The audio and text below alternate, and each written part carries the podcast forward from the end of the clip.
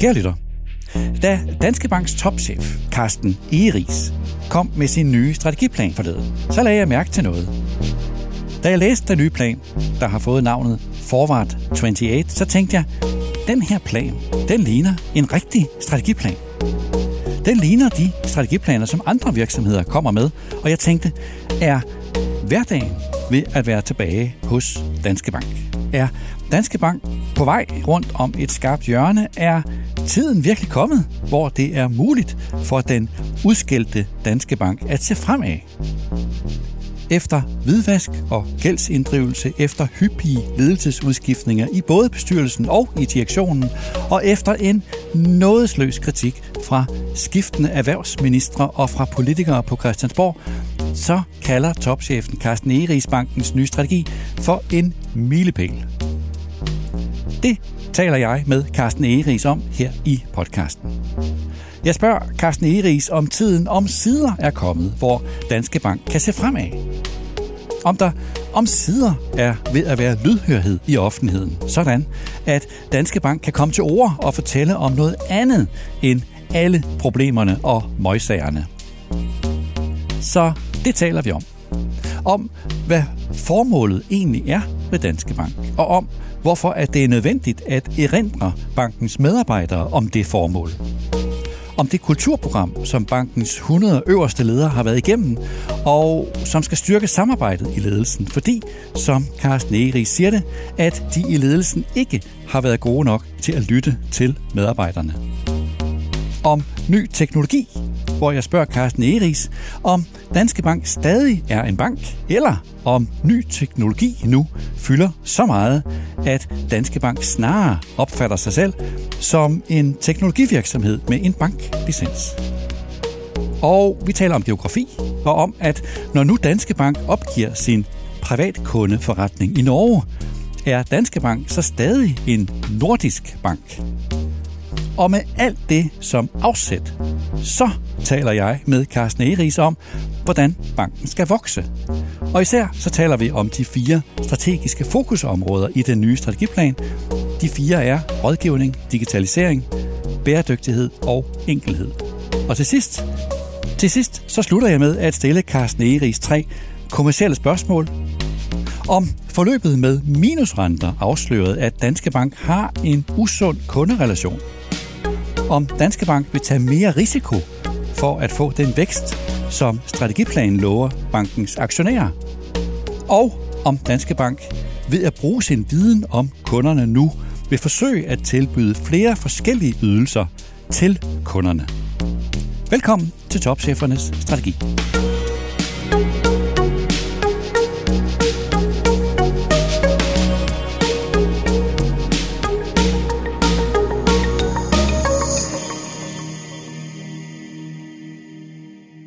Carsten Eris, velkommen. Mange tak. Du har været administrerende direktør siden 2021, og før det var du Chief Risk Officer i fire år. Og nu har du fremlagt en ny strategi for Danske Bank kaldet Forward 28. Og det er jo det er en offensiv strategi, det er en vækststrategi, den er mere, mere sådan offensiv end analytikerne ventede. Er det her et skarpt hjørne? Altså ovenpå hvidvask og gældsinddrivelse og ledelsesudskiftninger i bestyrelse og direktion? Nu er der ro på, og nu kan Danske Bank se fremad. Det synes jeg egentlig godt, man kan beskrive det som om, altså det, for, for mig og for teamet øh, var det virkelig en milepæl at komme ud med vores nye strategi. Vi satte jo en, øh, en strategi tilbage i 2019, der var, som du også siger, øh, øh medlem af direktionen, og den hed Better Bank. Og øh, der var vi jo rigtig fokuseret på fire ting. Vi var fokuseret på at øh, få styr på vores compliance og risikostyring. Så er vi fokuseret på at prøve at øh, få momentum i forhold til forretningen.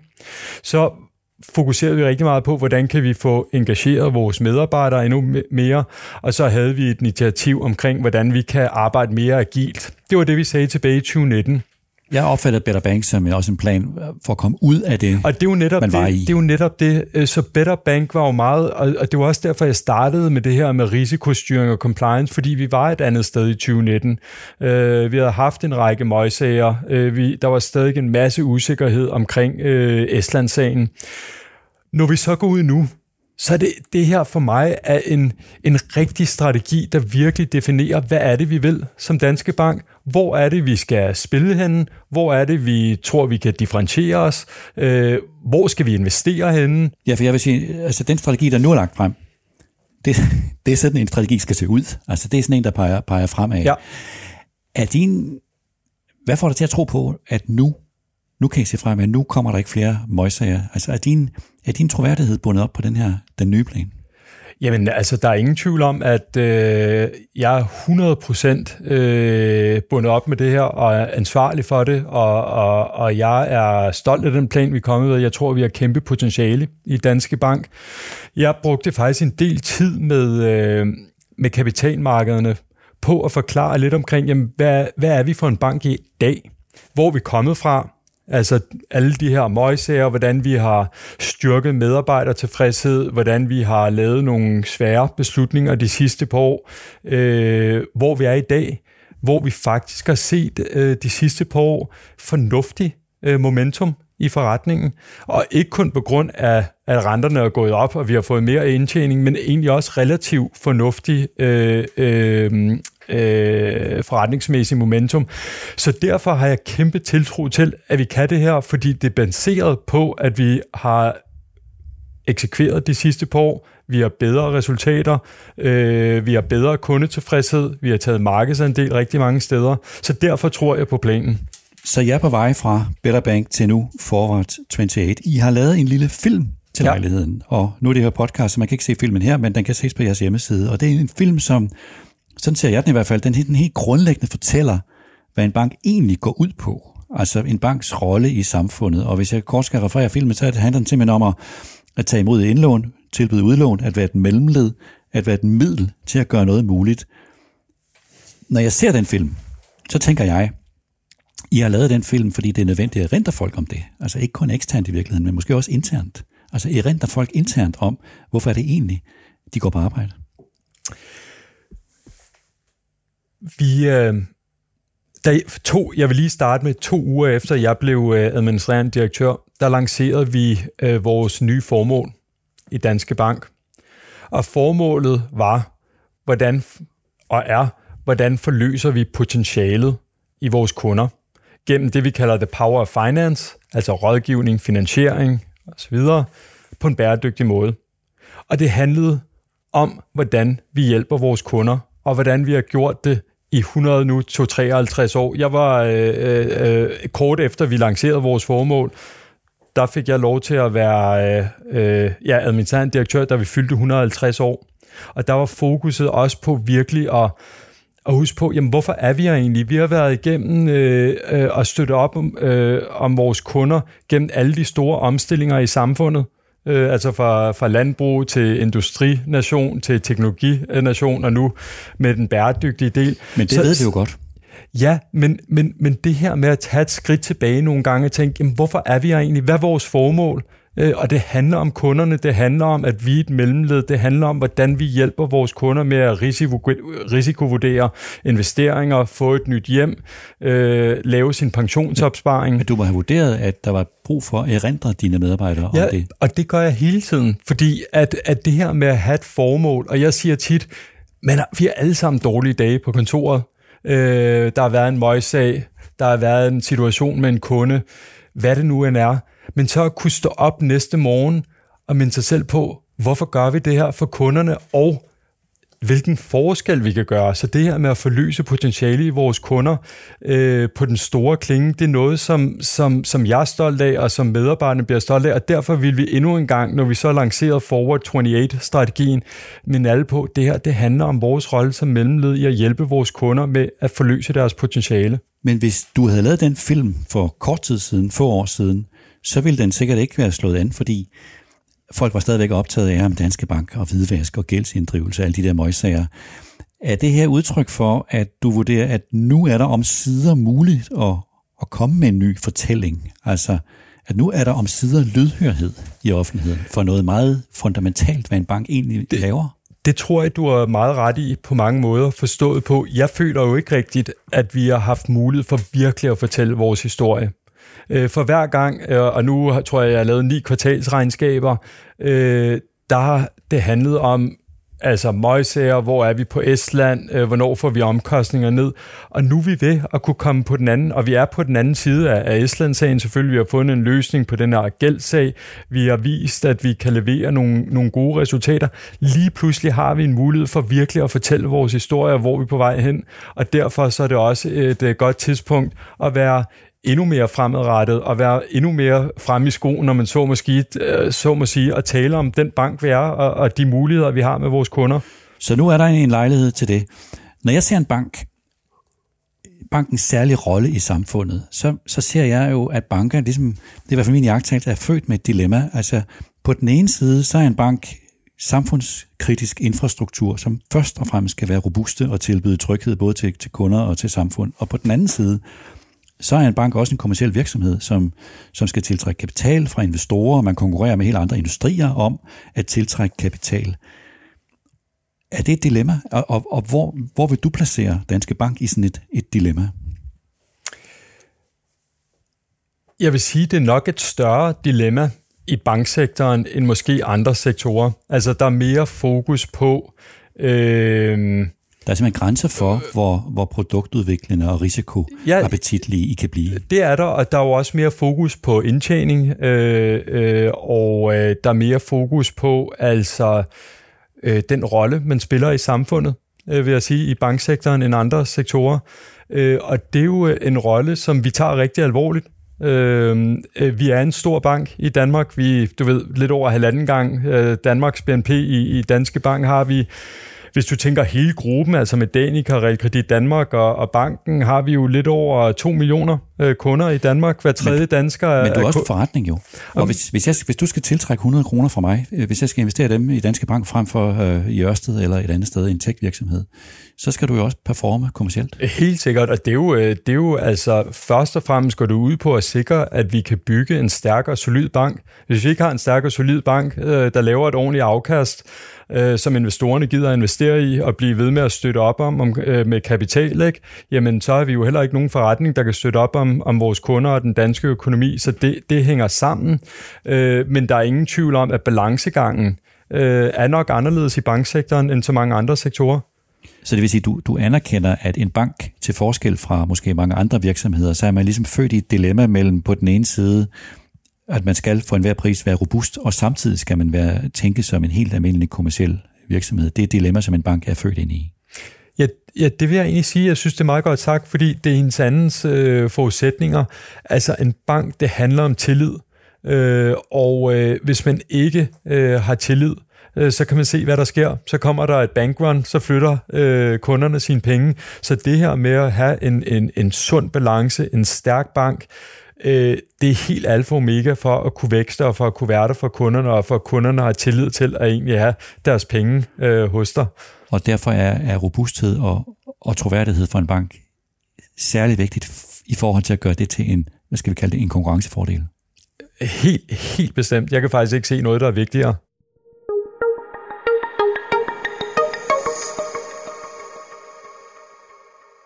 Da du blev udnævnt som ny administrerende direktør, hvad var det for en, en organisation, du fik ansvaret for? Altså, hvad, hvad var dine vigtigste prioriteter som ny administrerende direktør? Jamen, da jeg overtog, det var så i, øh, i april øh, øh 21, ikke? Øh, der var vi jo stadig et sted øh, som bank, hvor der var kæmpe usikkerhed omkring øh, øh, AML-sagen, øh, øh, gældsagen. Øh, resultaterne var ikke gode nok. Øh, medarbejdertilfredshed øh, lå øh, ret lavt.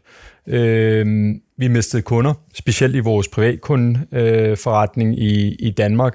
Så øh, mit, øh, sammen med teamets øh, hovedfokus var at, øh, at få styr på, på risikostyring, compliance, øh, få en mere modstandsdygtig bank, om man det, så det var, må sige. Det var prioritet 1. Øh, det, var... Det, var, det var simpelthen prioritet 1, at få en, en, en, øh, styr på risiko og compliance, en mere modstandsdygtig bank, og og få medarbejdere tilfredsheden og energien og engagementet op igen.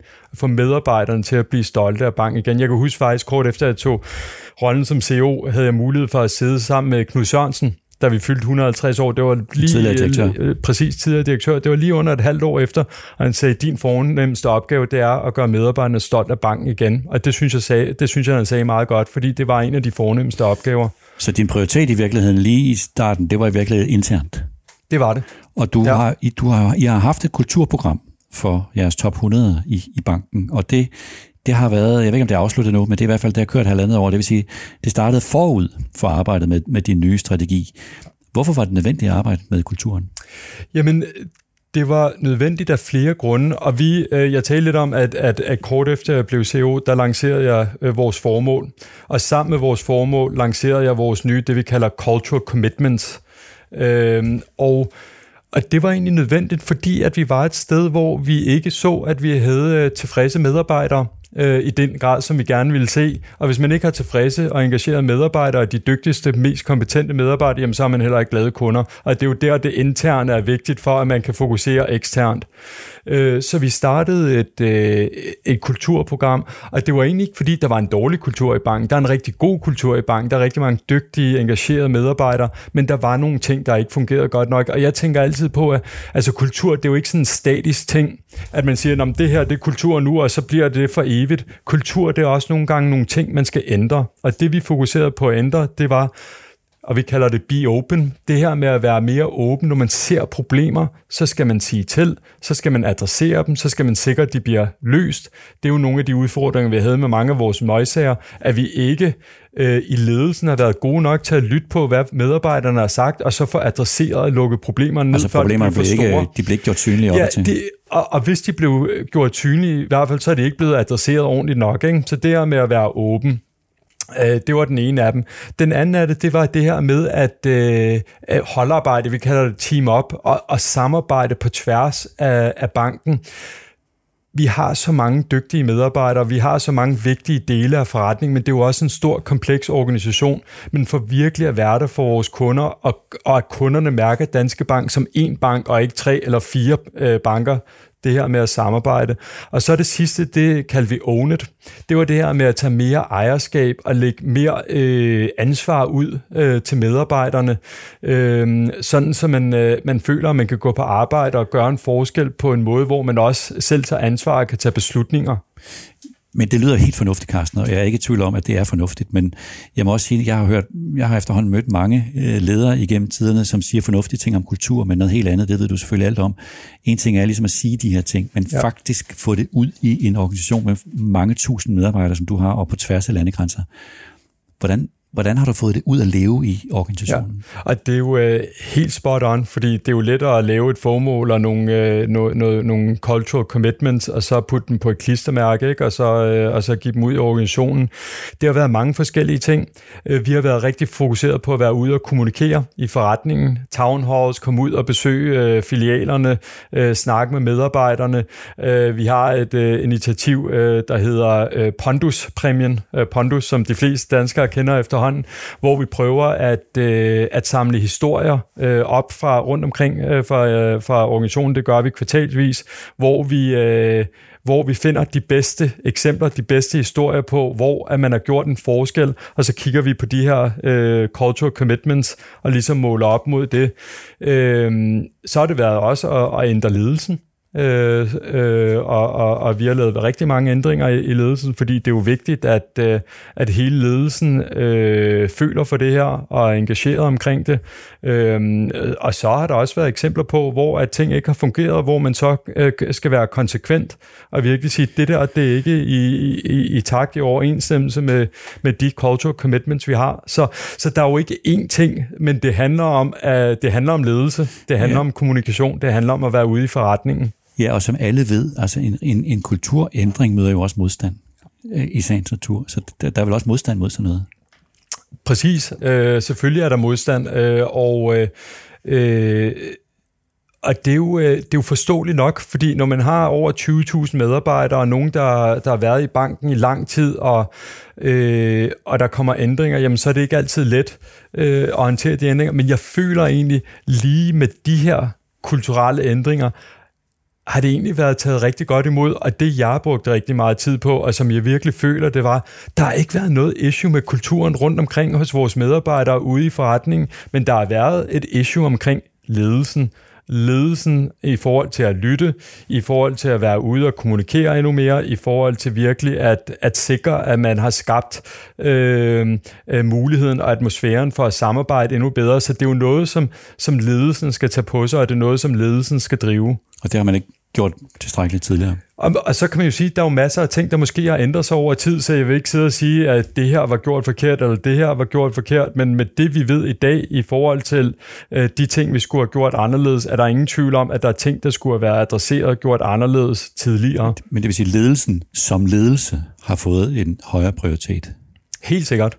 Øh, vi har fokuseret rigtig meget i den her øh, kulturrejse på at øh, få, øh, få ledelsen... Øh, til at samarbejde endnu bedre. Vi har brugt øh, også nogle eksterne øh, øh, til at hjælpe os øh, med vores kulturrejse.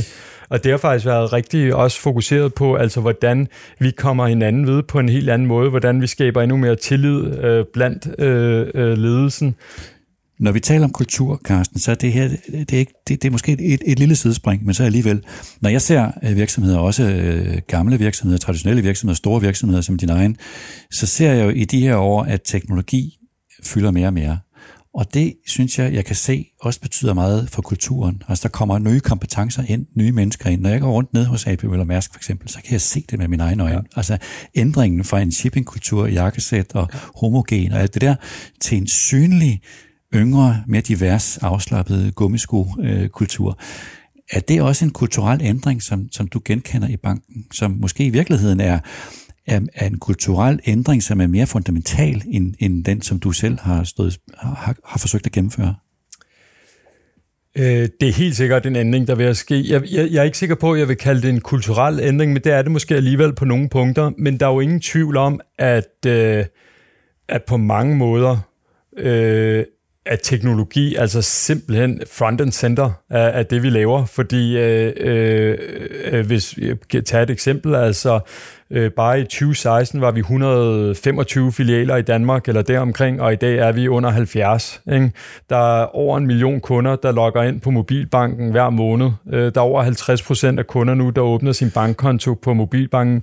Så der er ingen tvivl om, der sker, der sker en, en kæmpe ændring i forhold til, hvordan kunderne bruger banken. Ja. Og det er jo der, det starter. Det er jo, hvordan kunderne bruger os. Ikke? Men jeg gætter på, at du har også opmandet med tech-kompetencer. Helt sikkert. Og fået mange nye medarbejdere, som ja. kommer fra en, en helt anden baggrund ja. end en finansiel baggrund, ja. som måske påvirker ja, det er rigtigt. kulturen. Og, og, og vi er jo også blevet over tid øh, mindre, færre rådgivere, øh, færre filialer og flere, der arbejder med data og analytics og øh, softwareudvikling, øh, og vi er også blevet mere internationale i forhold til vores footprint. Vi har rigtig mange øh, teknologiudviklere og softwareudviklere, for eksempel, der sidder i Indien i dag, der sidder i Litauen.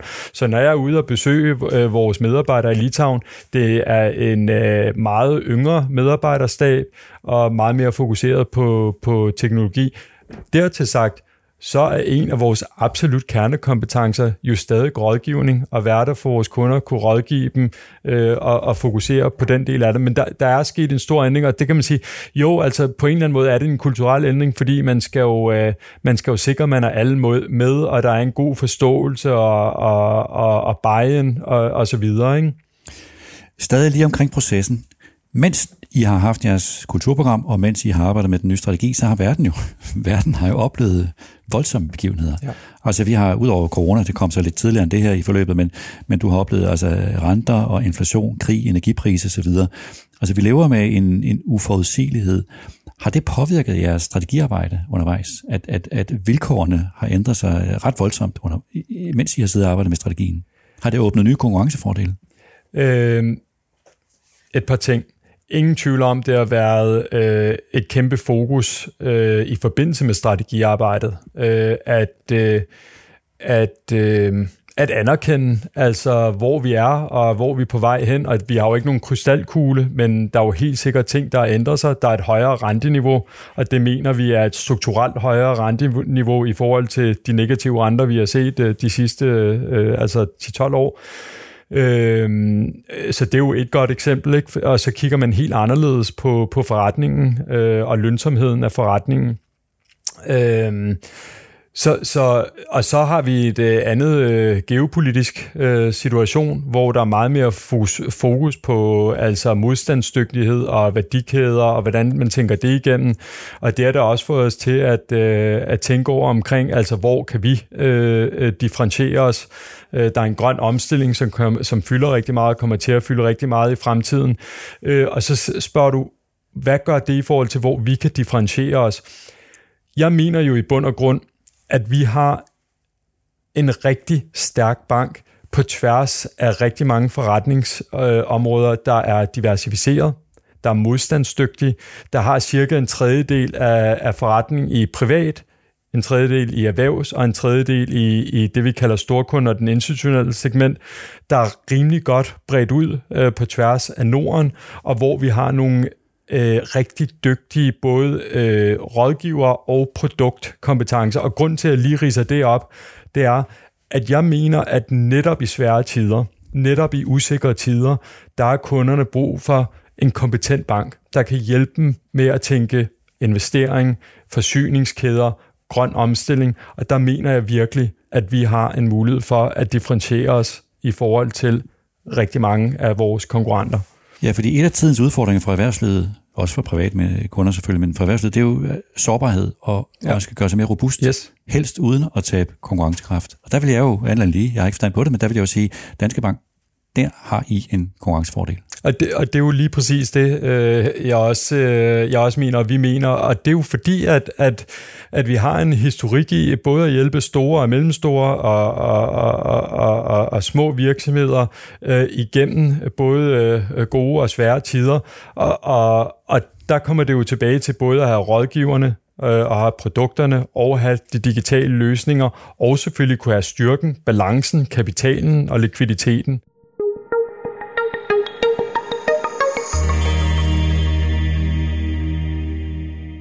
Lad os prøve at se lidt mere på Forward 28. Ja. Den går jo blandt andet ud på at fokusere, og du har allerede, før planen kom, fokuseret banken, og nu skaber du og din, din bank yderligere fokus. Altså det er frasalg, det er prioriterede indsatser, og så er det fire prioriterede områder, som, som er rådgivning, digitalisering, bæredygtighed og enkelhed. For mig ligner det en helt klassisk kommersiel tilgang, altså fokus og tilvalg og fravalg. Hvorfor sker det først nu? Jamen altså man kan jo sige, at, øh, at det er jo lidt tilbage til de sidste mange år, har vi været så udfordret med, øh, med andre øh, ting, med de her øh, sager, som vi var inde på. Øh, og det gør jo, at fokus skifter lidt. Øh, så det er simpelthen, I har først handlefrihed nu i virkeligheden? Ja, altså det er jo ikke fordi, vi ikke har lavet noget de sidste par år, fordi som jeg også var inde på, altså vi har jo lavet rigtig meget i forhold til at forenkle virksomheden. Vi har solgt vores forsikringsaktiviteter i, i Norge og Sverige, vores øh, privatbank i Luxembourg, vores øh, øh, banker i Baltikum og, og Rusland. Øh, vi har brugt rigtig meget tid på at forenkle processer og digitalisere processer, så det er ikke fordi, vi ikke har, har fokuseret på forenkling og på, på, på at, at prioritere mere. Men det er klart, at, at, øh, at mulighederne, fleksibiliteten for virkelig at investere i forretningen på den måde, vi gerne vil investere, i strategisk udvikling, i digitalisering osv., øh, den har været hæmmet øh, de sidste par år. Og så, øh, så har det at for eksempel tage et valg omkring øh, privatkundedelen i Norge, det har ikke været prioritet, fordi at man kan ikke gøre det hele på samme tid, så man skal sikre, at man har en organisation, øh, der følger med, der er klar til at eksekvere, øh, og derfor må man tage nogle, øh, nogle valg hen ad vejen. Ja, for jeg synes, den med, med privatkundeforretningen i Norge, det har jo, jeg vil ikke sige, det har været sådan en offentlig øh, hemmelighed, det har det jo ikke været, men, men det har ligesom været sådan en forventning om, at det ville være et logisk skridt og det kommer så først nu. Ja, altså man kan jo sige, at vi har jo øh, kigget, øh, kigget øh, på alle vores forretningsområder i forbindelse med, med Forward 28-strategien, og virkelig været fokuseret på, hvor tror vi, at vi har en stærk markedsposition, hvor vi virkelig kan differentiere os, og hvor vi kan nå de afkast, som forventes af os, af vores aktionærer. Og der må vi sige, at, at Norge øh, er, er svært, er svært lønsomhedsmæssigt, er svært at skalere, øh, og der kan du jo sige, den beslutning kunne man måske have taget tidligere, men der er vi lidt tilbage til, altså hvordan prioriterer man, hvordan fokuserer man, og der er det jo netop tilbage til, og det føler vi, vi kan gøre nu på nogle af de her områder, men det er ikke fordi, vi ikke har taget andre svære beslutninger de sidste øh, to-tre år, det har vi jo bestemt. I opfatter jo stadigvæk jer selv som en, en nordisk bank. Ja.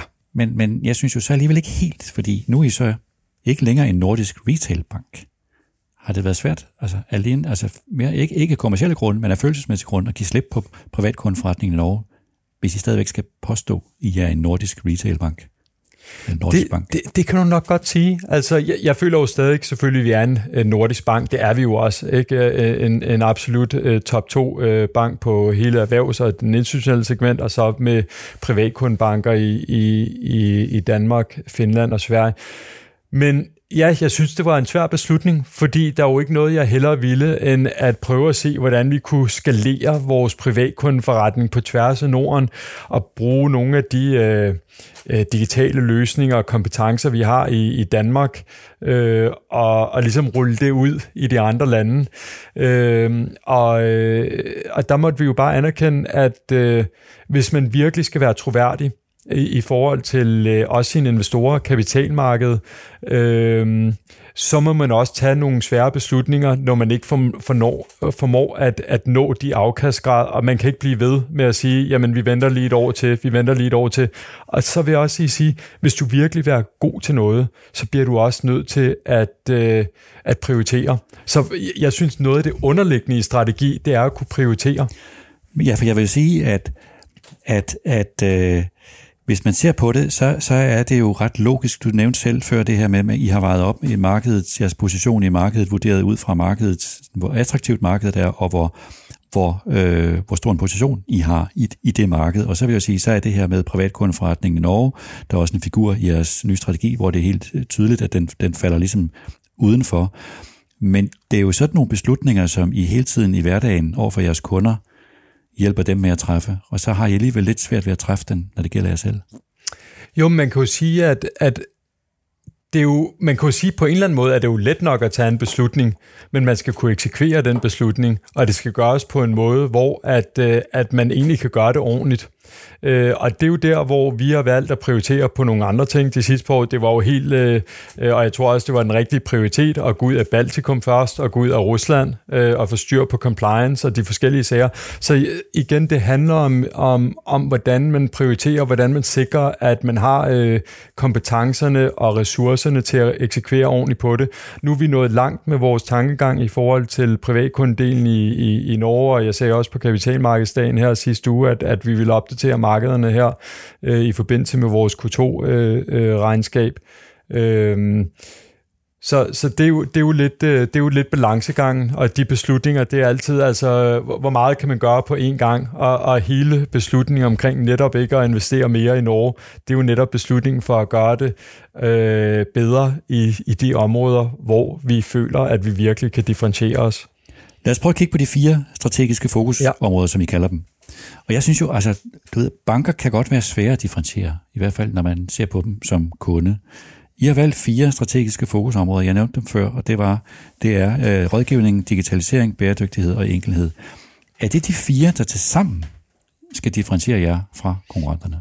Altså når jeg som kunde skal vælge bank, så skal jeg sige, okay, Danske Bank, de er gode til de fire. Ja, det vil jeg sige. Lad os prøve at tage dem en af gangen. Ja. Rådgivning. Og der er jo masser at tale om, som vi slet ikke øh, har tid til her. Men I vil segmentere jeres kunder på en ny måde, forstår jeg. For eksempel jeres privatkunder i forhold til deres familiesituation, frem for som hidtil i forhold til deres forretningsomfang. Hvad er ideen med det?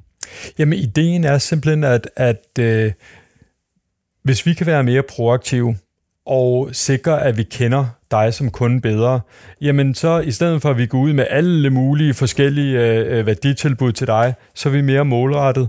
Øh, så hvis, hvis, hvis du skal til at, at kigge på at gå på pension, jamen så kommer vi med et pensionstilbud til dig.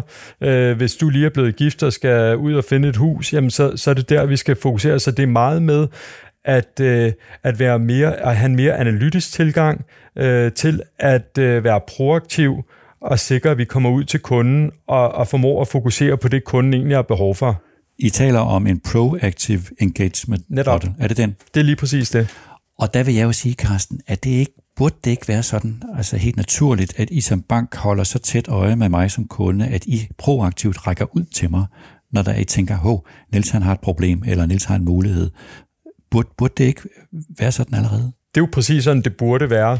Øh, det er klart, når man har, øh, øh, nu, nu er jeg lidt inde på, øh, øh, over 2 millioner kunder på tværs af Danske Bankgruppe, øh, så kan man ikke gøre det individuelt. Så skal man virkelig øh, sikre, at, øh, at man kan segmentere øh, kunderne bedre, at man kan bruge øh, data og analytics til at være mere målrettet, og så øh, kunne have øh, både digitale kanaler og rådgivningskanaler til at komme ud proaktivt. Og jeg vil, mene, jeg vil mene, langt hen ad vejen har vi jo prøvet at gøre det for vores kunder, og, og nogle gange har vi også været dygtige til det, men vi kan blive endnu dygtigere til det. Så i hvert fald, altså, hvad skal vi sige, succes, succeskriteriet for det her med rådgivning, altså det her første strategiske fokusområde, det er, at jeres kunder vil opleve banken som mere udfarende, når, når kunden har en, en ændring i sin livsvilkår, eller hvad det nu måtte være. Ja, og det vi, sætter, det vi også sætter fokus på, som jeg talte rigtig meget øh, om til kapitalmarkedsdagen, det er det her med at, at sikre, at vi har nogle gode digita- øh, digitale værktøjer, sådan så du kan lave alt det, øh, øh, dit dagligdags behov på, på det digitale, sådan så rådgiverne har mere tid til at bruge tid med dig, når du virkelig har brug for at tale om noget af det mere komplekse. Så det her med at frigøre endnu mere tid til rådgiverne, så de kan bruge tid med, med kunderne på, på, på at snakke muligheder. Den, det andet strategiske fokusområde, det kalder I digitalisering. I har to platforme. I har mobilbank til privatkunder, og I har district til erhvervskunder. Ser du jeres sådan, digitale satsning igennem de, disse platforme? Det kan du godt sige. Altså rigtig langt hen ad vejen øh, er det jo der, kunderne møder os, hvis de ikke taler med en fysisk rådgiver. Ikke? Det er jo enten på mobilbanken, eller det er på, på, på District, altså det er øh, øh, online-portalen til, til erhvervskunder. Og jo flere produkter, øh, jo flere ydelser, øh, vi kan have øh, på de platforme, jo mere vi kan integrere tredjeparter ind, øh, og også øh, øh, tilbyde tredjepartsløsninger, øh, jo mere tror jeg, vi møder kundernes behov. Så det handler ikke om platformen som så, det handler om, hvad er det egentlig, kunden gerne vil.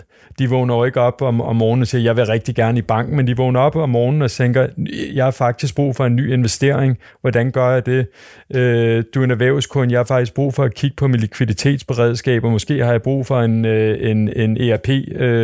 Øh, øh, øh, øh Hvordan gør jeg det? Og jo mere vi kan tilbyde det på en let, øh, gnidningsfri måde, jo bedre.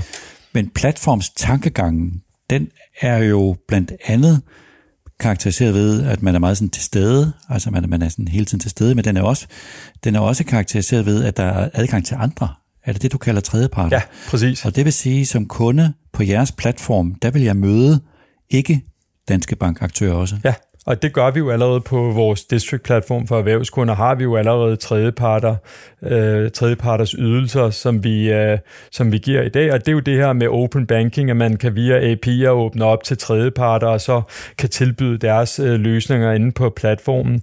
Øh, og det vil vi i stigende grad øh, gøre, fordi igen, det giver så et bedre værditilbud til, øh, til kunden. Er det her et værktøj til at knytte kunden tættere til sig. Altså at jeres platform ja, det kan man godt sige. Ja. vil blive oplevet som ja.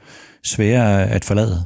Ja, altså jeg, jeg tænker da, at jo mere man kan tilbyde kunderne hele værditilbuddet, når man tænker bank og, og finansielle øh, rådgivning og ydelser, øh, jo, jo mindre er sandsynligheden for, at, at kunden vil gå et andet sted hen.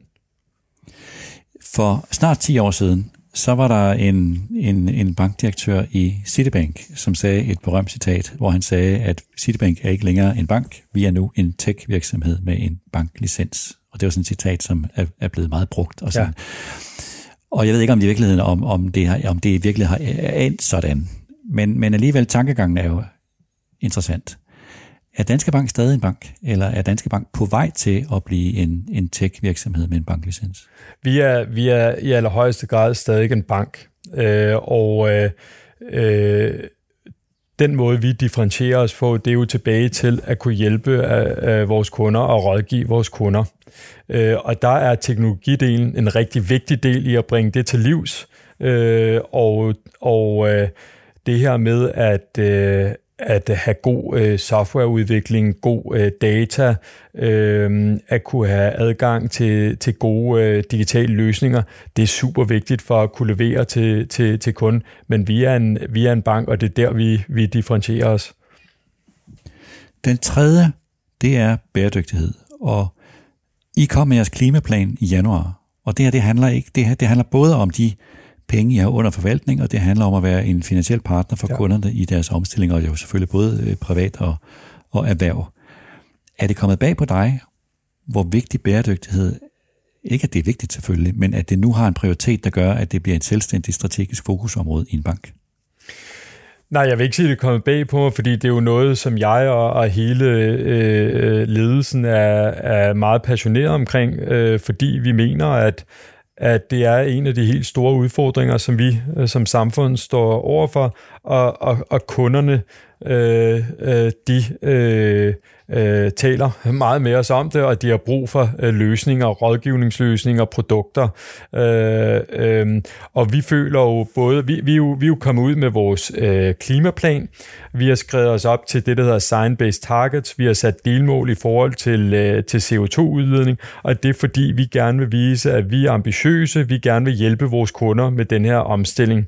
Øh, I sidste ende handler det om kunderne, og det kunderne har brug for, det er, at de har brug for hjælp. Øh, det kan være være øh, et elbillån, det kan være et energirenoveringslån, det kan være bæredygtighedskoblet lån, det kan være øh, grønne obligationer, men det kan også være hjælp i forhold til, jamen, hvad skal man egentlig i forhold til vores øh, finansielle rapportering, og hvad betyder alle de her nye EU-regler i forhold til taksonomi osv., så, videre, så vi kan hjælpe øh, på hele den øh, øh, værdikæde.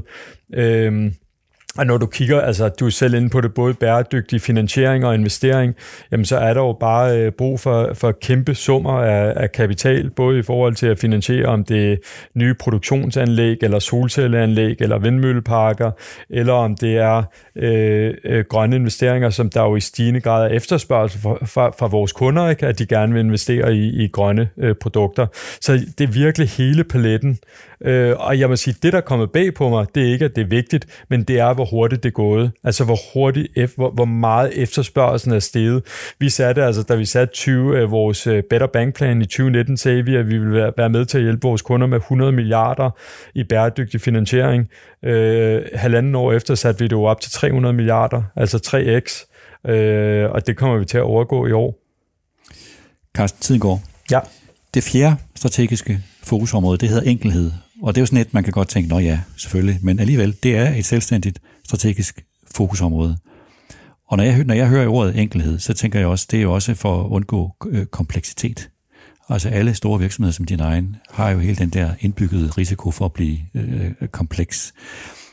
Er det i virkeligheden en opgave, som ligger hos dig, altså naturligt? Altså det her med at bekæmpe kompleksitet og sørge for en enkel bank og en enkel virksomhed, hurtige beslutninger.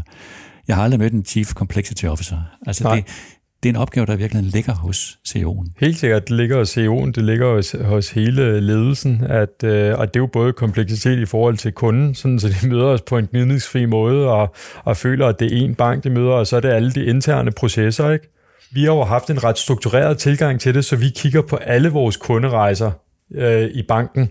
Altså det at tage et øh, nyt lån, eller bestille et nyt kreditkort, eller åbne en bankkonto, at kigge på, hvordan tager du kompleksiteten ud af de processer. Og det handler jo om at øh, skabe bedre kundeoplevelser. Det handler om at, øh, at sikre, at vi bruger vores medarbejderes tid på den mest fornuftige måde. Og så handler det selvfølgelig også om at få omkostninger ud af, af forretningen. For jo mere vi kan få omkostninger ud af forretningen på en fornuftig måde, øh, hvor øh, i den sidste ende er det godt for kunden, jo mere konkurrencedygtige kan vi jo være i vores øh, værditilbud, i vores priser osv.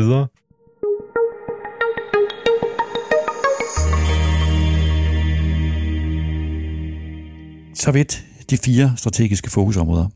Jeg har tre afsluttende, sådan mere kommersielle spørgsmål. Det første det er, i de seneste års sådan regime med, med minusrenter, der har I skruet op for jeres gebyrer, så I har bygget en, en forretningsmodel, der kan give en egenkapitalforretning på sådan omkring 10 procent. Nu stiger renterne. Jeg går ud fra, at I vil fastholde jeres gebyrer. Hvad har I lært af den rejse? Og når, jeg spørger på den måde, så er det fordi, hvordan har jeres kunderelation udviklet sig undervejs? Jamen, der er ingen tvivl om, at negative renter, det, øh, det synes jeg egentlig ikke var godt for nogen, og det var bestemt heller ikke godt for bankerne, fordi du har en, en omkostning, som du egentlig ikke kan, kan sende videre til, til kunden. Altså, vi, vi, vi gjorde det jo til, til nogle af kunderne, der havde over et vist beløb, men, men to tredjedel af, af kunderne, der sad bankerne jo med en omkostning, som vi ikke sendte videre til, til og, kunden. Ikke? Og det, det er lidt derfor, jeg spørger, hvorfor egentlig ikke? Jamen, altså, det gjorde vi jo, det, altså, det var jo lidt at vende øh, op og ned på det hele, ikke? det her med negative renter, og det var en rigtig svær øh, beslutning at tage, at vi egentlig skulle sende noget af omkostningen videre til de kunder, der havde over 100.000 stående øh, på bankkontoen. Øh, og, og det var egentlig bare en rigtig svær øh, beslutning, øh, øh, og, og man kan sige, at... Øh, at hvis det havde varet ved på den måde, så havde det været rigtig svært på bankerne, ikke? Men altså, det er lidt derfor, så, jeg spørger, det er så, lidt derfor, jeg spørger, fordi jeg vil jo sige, som helt almindelig kommersiel virksomhed, jamen, man, jeg, trods alt, vi lever af at tjene penge, ja. jo. Øh, og, og derfor, når I, når I var så tilbageholdende med det, ikke kun jeres, men, men mange banker var det, så var det for mig ligesom et tegn på en, hvad jeg vil kalde en usund kunderelation. Altså man ikke havde et forhold til sine kunder, hvor kunderne helt naturligt kunne forstå, at, jamen, øh, kære ven, øh, vi, vi satte i verden for at tjene penge, og derfor ændrer vi selvfølgelig renten. Ja, og, men jeg tror, Niels, en af grundene nok var, at man hele tiden troede, at de negative renter, de skulle nok gå væk igen, og man kom ind i et normaliseret niveau, og så øh, 12 år senere, så var man så i positiv. Så jeg tror, noget af det var, at man tænkte, det er altså et stort skridt at tage, må ikke vi kommer ind i et normaliseret niveau, og derfor gør vi det kun sådan fokuseret på nogle kundegrupper. Ikke? Og så, som du selv siger, så måtte man jo finde andre måder at, øh, at, at i hvert fald få et nogenlunde indtjeningsniveau tilbage til, at det er vigtigt at have sunde, robuste banker, der tjener penge. Men du forstår godt, hvorfor jeg spørger. Altså set udefra, så, så ser det underligt ud at opretholde et, et renteniveau, hvor man taber. Altså det, ja. For mig ser det ud som om, at det, det, det må være, fordi man, man ikke har en sund kunderelation, at man ikke bare... Nej det, det, nej, det synes jeg egentlig ikke. Jeg synes ikke, det var... Altså, jeg synes virkelig, det var noget, der var helt abnormt og, og helt unormalt. Og noget, hvor at man alle sammen troede, det kommer til at gå over, og derfor kan vi godt leve med det i nogle år, øh, fordi at det her med at forklare kunderne, at de egentlig skal betale penge for at pengene indstående, den er rigtig svær. Og det fandt man så ud af øh, efter nogle år, at jamen, det her det bliver nok ved i noget tid, og så begyndte man jo så øh, at sende noget af regningen videre, men også at kigge på forretningsmodellen. Jamen, hvor kan man ellers sikre, at, øh, at, man, kunne, øh, at man kunne få en, en ordentlig lønsomhed? Men jeg mener egentlig, at, at at på den store klinge i hvert fald har kunderelationerne været sunde og, og, og, og, og, og fornuftige, og vi har været der for kunderne, og og så men nu skal, nu, synes jeg egentlig ikke, der det, er noget, der, der er ødelagt. Men det er ikke, fordi jeg skal ikke trække det langdrag. Nej, nej. Men, men, alligevel, du forstår godt, altså, hvis, hvis logikken ligesom er at gøre det, ja. jamen, hvorfor så ikke gøre det, og så forklare kunden, hvorfor man gør, som man gør? Ja, men du så jo selv, hvor svært det var egentlig at kunne forklare, hvad negative renter betyder, og hvorfor man skal betale penge for at dem øh, stående inde på sin bankkonto. Ikke? Altså, den, den er bare rigtig svær. Men det må man så løse jo, som og, virksomhed. Og det, og det begyndte vi jo også at løse, kan man sige. Ikke? Okay. Spørgsmål nummer to, det er, i jeres nye strategiplan, der er jo en ambition om en ret stor toplinjevækst, og, og, og for mig ser det ud som om, det kræver, at I får et kommercielt momentum, som, som I ikke har i dag, og I har bygget en organisation nu og brugt tid på, på det, som er blevet rigtigt i forhold til risiko og, og compliance af, af gode grunde, absolut. Men det har måske også gjort jeres organisation mere risikoavers end jeres konkurrenter. Nu skal I have vækst, og I skal vinde markedsandele. Skal I til at tage mere risiko nu? Først og fremmest vil jeg sige, at, at vi egentlig har formået at vækste øh, ret fint de sidste par år, og igen, øh, udover at, at renterne er steget, som har været godt for indtjeningen, så har vi jo også taget markedsandel øh, og øh, set øget aktivitet i rigtig mange dele af vores øh, forretning. Øh, så når vi kigger på den vækst, øh, de vækstambitioner, vi har, og den plan, vi har, vil jeg egentlig sige, at det er en fortsættelse af det, vi allerede er i gang med og har formået at, at, at gøre her de sidste par år. Øh, vi kommer ikke til at tage mere risiko forstået på den måde, at øh, at øh, tage alt muligt ny risiko, men det er klart, altså vi kommer til at tage mere risiko i takt med, at vi vækster, for hver gang vi, vi, øh, vi laver et, øh, et udlån, tager vi jo noget risiko, hver gang vi laver en handel, tager vi noget risiko, så jeg vil sige, aktivitetsbaseret kommer vi til at tage mere risiko, fordi vi kommer til at vækste forretningen og vækste vores udlån, men vi kommer ikke til at tage nogle markante nye risici. Så du har ikke, du er ikke bekymret for, at du har bygget en organisation, som af gode grunde har fokus, har fokus på risiko og compliance, og derfor ikke får det sådan helt nemt ved at skabe et nyt kommersielt momentum. Nej, det er egentlig ikke. Altså nu har vi jo øh, arbejdet med risiko i altså hele vores historie, og vi, jeg synes, vi, vi, vi er dygtige til det. Øh, der er nogle områder, hvor vi ikke har været så dygtige til det, hvor vi har investeret øh, i det, og, og nu er blevet meget dygtigere til det. Så jeg mener faktisk, at jeg ser det på en anderledes måde. Jeg ser det faktisk på, at vi er en meget mere robust, øh, modstandsdygtig bank i dag, der netop har likviditet, kapital, evnen til at hjælpe øh, vores kunder og, og, og dermed øh, vækste. Øh, men den risikoappetit, øh, vi har, den ligger ret fint. Så I skal ikke tage ekstra risiko, så at sige? Det vil jeg ikke mene, nej. Det tredje, det er, at spørgsmål, øh, sådan et kommersielt spørgsmål, det er, når jeg ser finansielle virksomheder i helt andre lande, altså for eksempel Kina, der, der er et, et berømt eksempel, nogen lytter vil kende det, Peng An, som ja. du sikkert også kender, ja. øh, som er en kinesisk øh, virksomhed, som er blevet berømt ved, at den ligesom startede som en forsikringsvirksomhed, og så har den bygget øh, helt andre adjacency virksomheder på og blevet en kæmpe stor, øh, kæmpe stor virksomhed. Altså en virksomhed, som vokser ved at tilbyde kunderne flere og flere ydelser. Er det en tankegang, som, som også Danske Bank er tiltalt af. Altså. Bestemt. Altså, det er jo øh, virkelig en af, af, af hovedfokusområderne for os som bank, fordi det øh, vi jo kan som bank, det er, at vi har en masse øh, specialiserede produktområder. Danica Pension, Realkredit Danmark, vores kapitalforvaltning, vores, øh, vores øh, øh, øh storkunder institutionelle bank, der, der hjælper vores kunder med øh, at risikoafdække øh, deres behov, for eksempel via derivater osv., Øh, så vi har en, en rigtig bred produktpalette, og vores fokus er at hjælpe vores kunder med øh, så mange af de øh, produkter og ydelser, som de har brug for. Så, øh, og det inkluderer jo øh, liv og, og, og pension, øh, som, som jo ikke er helt øh, anderledes end penge andet eksempel. Så er der områder, hvor vi ikke selv tilbyder produkterne, men hvor vi har nogle rigtig dygtige partnere, så som Tryg Forsikring, hvor vi så øh, har et øh, samarbejde sammen med Tryg og kan tilbyde vores øh, kunder øh, deres produkter. Ja, for jeg har tit egentlig undret mig, når jeg tænker på, hvor meget min bank, hvor utrolig meget min bank ved om mig, at den så ikke udnytter det mere offensivt øh, kommercielt. Der er sikkert nogle, nogle lovgivningsmæssige begrænsninger, det er med på, men, men, men der må være mange muligheder for at udnytte den viden, du har om kunderne til ja. at tilbyde sundhed, og hvad, hvad det nu kunne være. Ja. Og kunderne skal selvfølgelig give consent for, at vi gør det, men sundhed er et rigtig godt eksempel, hvor vi jo har nogle rigtig gode sundhedsprodukter i Danica. Vi har jo fundet ud af, øh, at øh, jo mere øh, proaktiv man kan være i forhold til sundhedsprodukter, jo mere kan man forebygge, og der er også rigtig mange af vores bankkunder, der er interesseret i sådan nogle produkter, så selvfølgelig skal man give consent, men det er lige præcis tilbage til det spørgsmål, vi havde tidligere. Hvordan kan man segmentere og være mere fokuseret på, hvad er det, vi tror, kunderne har behov for, og så komme med, med nogle proaktive øh, løsninger. Så er det en tankegang, der ligger i Forward 28, at det vil I benytte jer noget mere det, af? Det ligger helt sikkert som en rigtig vigtig del af det. Det er at gøre mere forretning med vores kunder, med de mange produkter, vi selv har, og vores partners øh, produkter, og så gøre det på en mere fokuseret og analytisk måde. Og så også være mere udfarende over for kunderne. Præcis. Carsten Eris, til sidst skal jeg spørge dig, når du kigger ind i fremtiden og frem mod 2028, hvad er den ene prioritet, der, der skal, altså hvis man skulle sige en must-win battle, hvad er den, der skal lykkes for, at I kommer i mål med den her strategiplan? Jamen det er, at vi sammen som team kan eksekvere på planen. Vi har en plan, den er robust, vi tror på den. Nu skal vi eksekvere øh, sammen øh, øh, i, i teamet på den. Så det er eksekvering. Så det vil sige, Carsten, altså, hvad skal vi sige, det intellektuelle arbejde er gjort nu. Nu er det i virkeligheden en en holdindsats og en eksekveringsindsats. Det er i virkeligheden det, det handler om i Danske Bank fra nu af. Det vil jeg sige, det, det er det, det handler om. Øh, hvis vi virkelig skulle, skulle tage et skridt tilbage og tænke, altså hvordan opnår vi det? Det gør vi sammen ved at samarbejde, ved at levere alle de her øh, øh, løsninger, øh, ved at hjælpe vores kunder øh, vækste, og det handler om øh, eksekvering, fokus på vores kunder, samarbejde og ledelse. Carsten Eris, tak fordi du kom. Mange tak. Det var hyggeligt. Det var denne udgave af Topchefernes Strategi.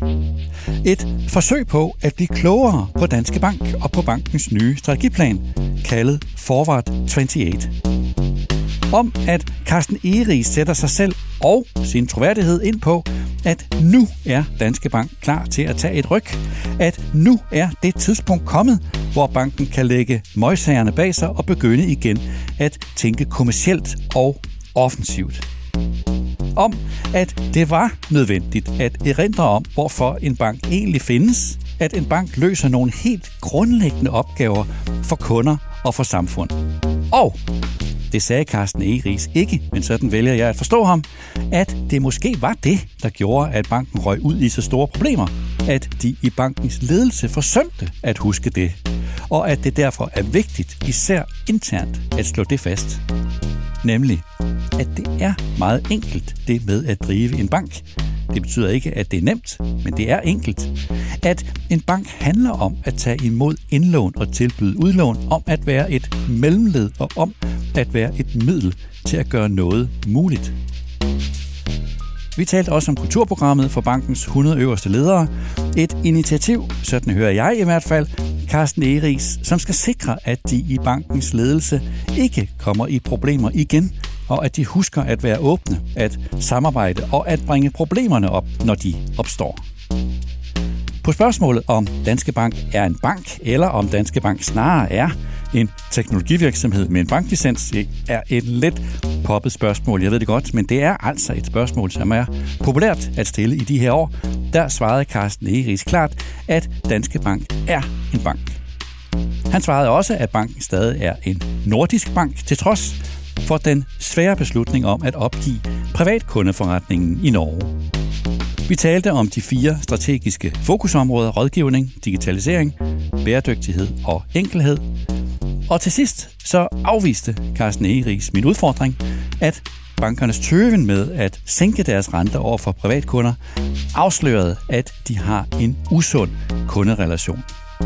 Han afviser også, at banken vil tage mere risiko for at vokse. Og så bekræftede han, at det bestemt indgår i den nye strategiplan at udnytte Danske Banks bredde og også viden om kunderne til at tilbyde flere ydelser til den enkelte kunde og også at gøre det mere proaktivt. Tak til Carsten Eris, tak til Mie Christensen, der redigerede udsendelsen, og tak til dig, der lyttede med.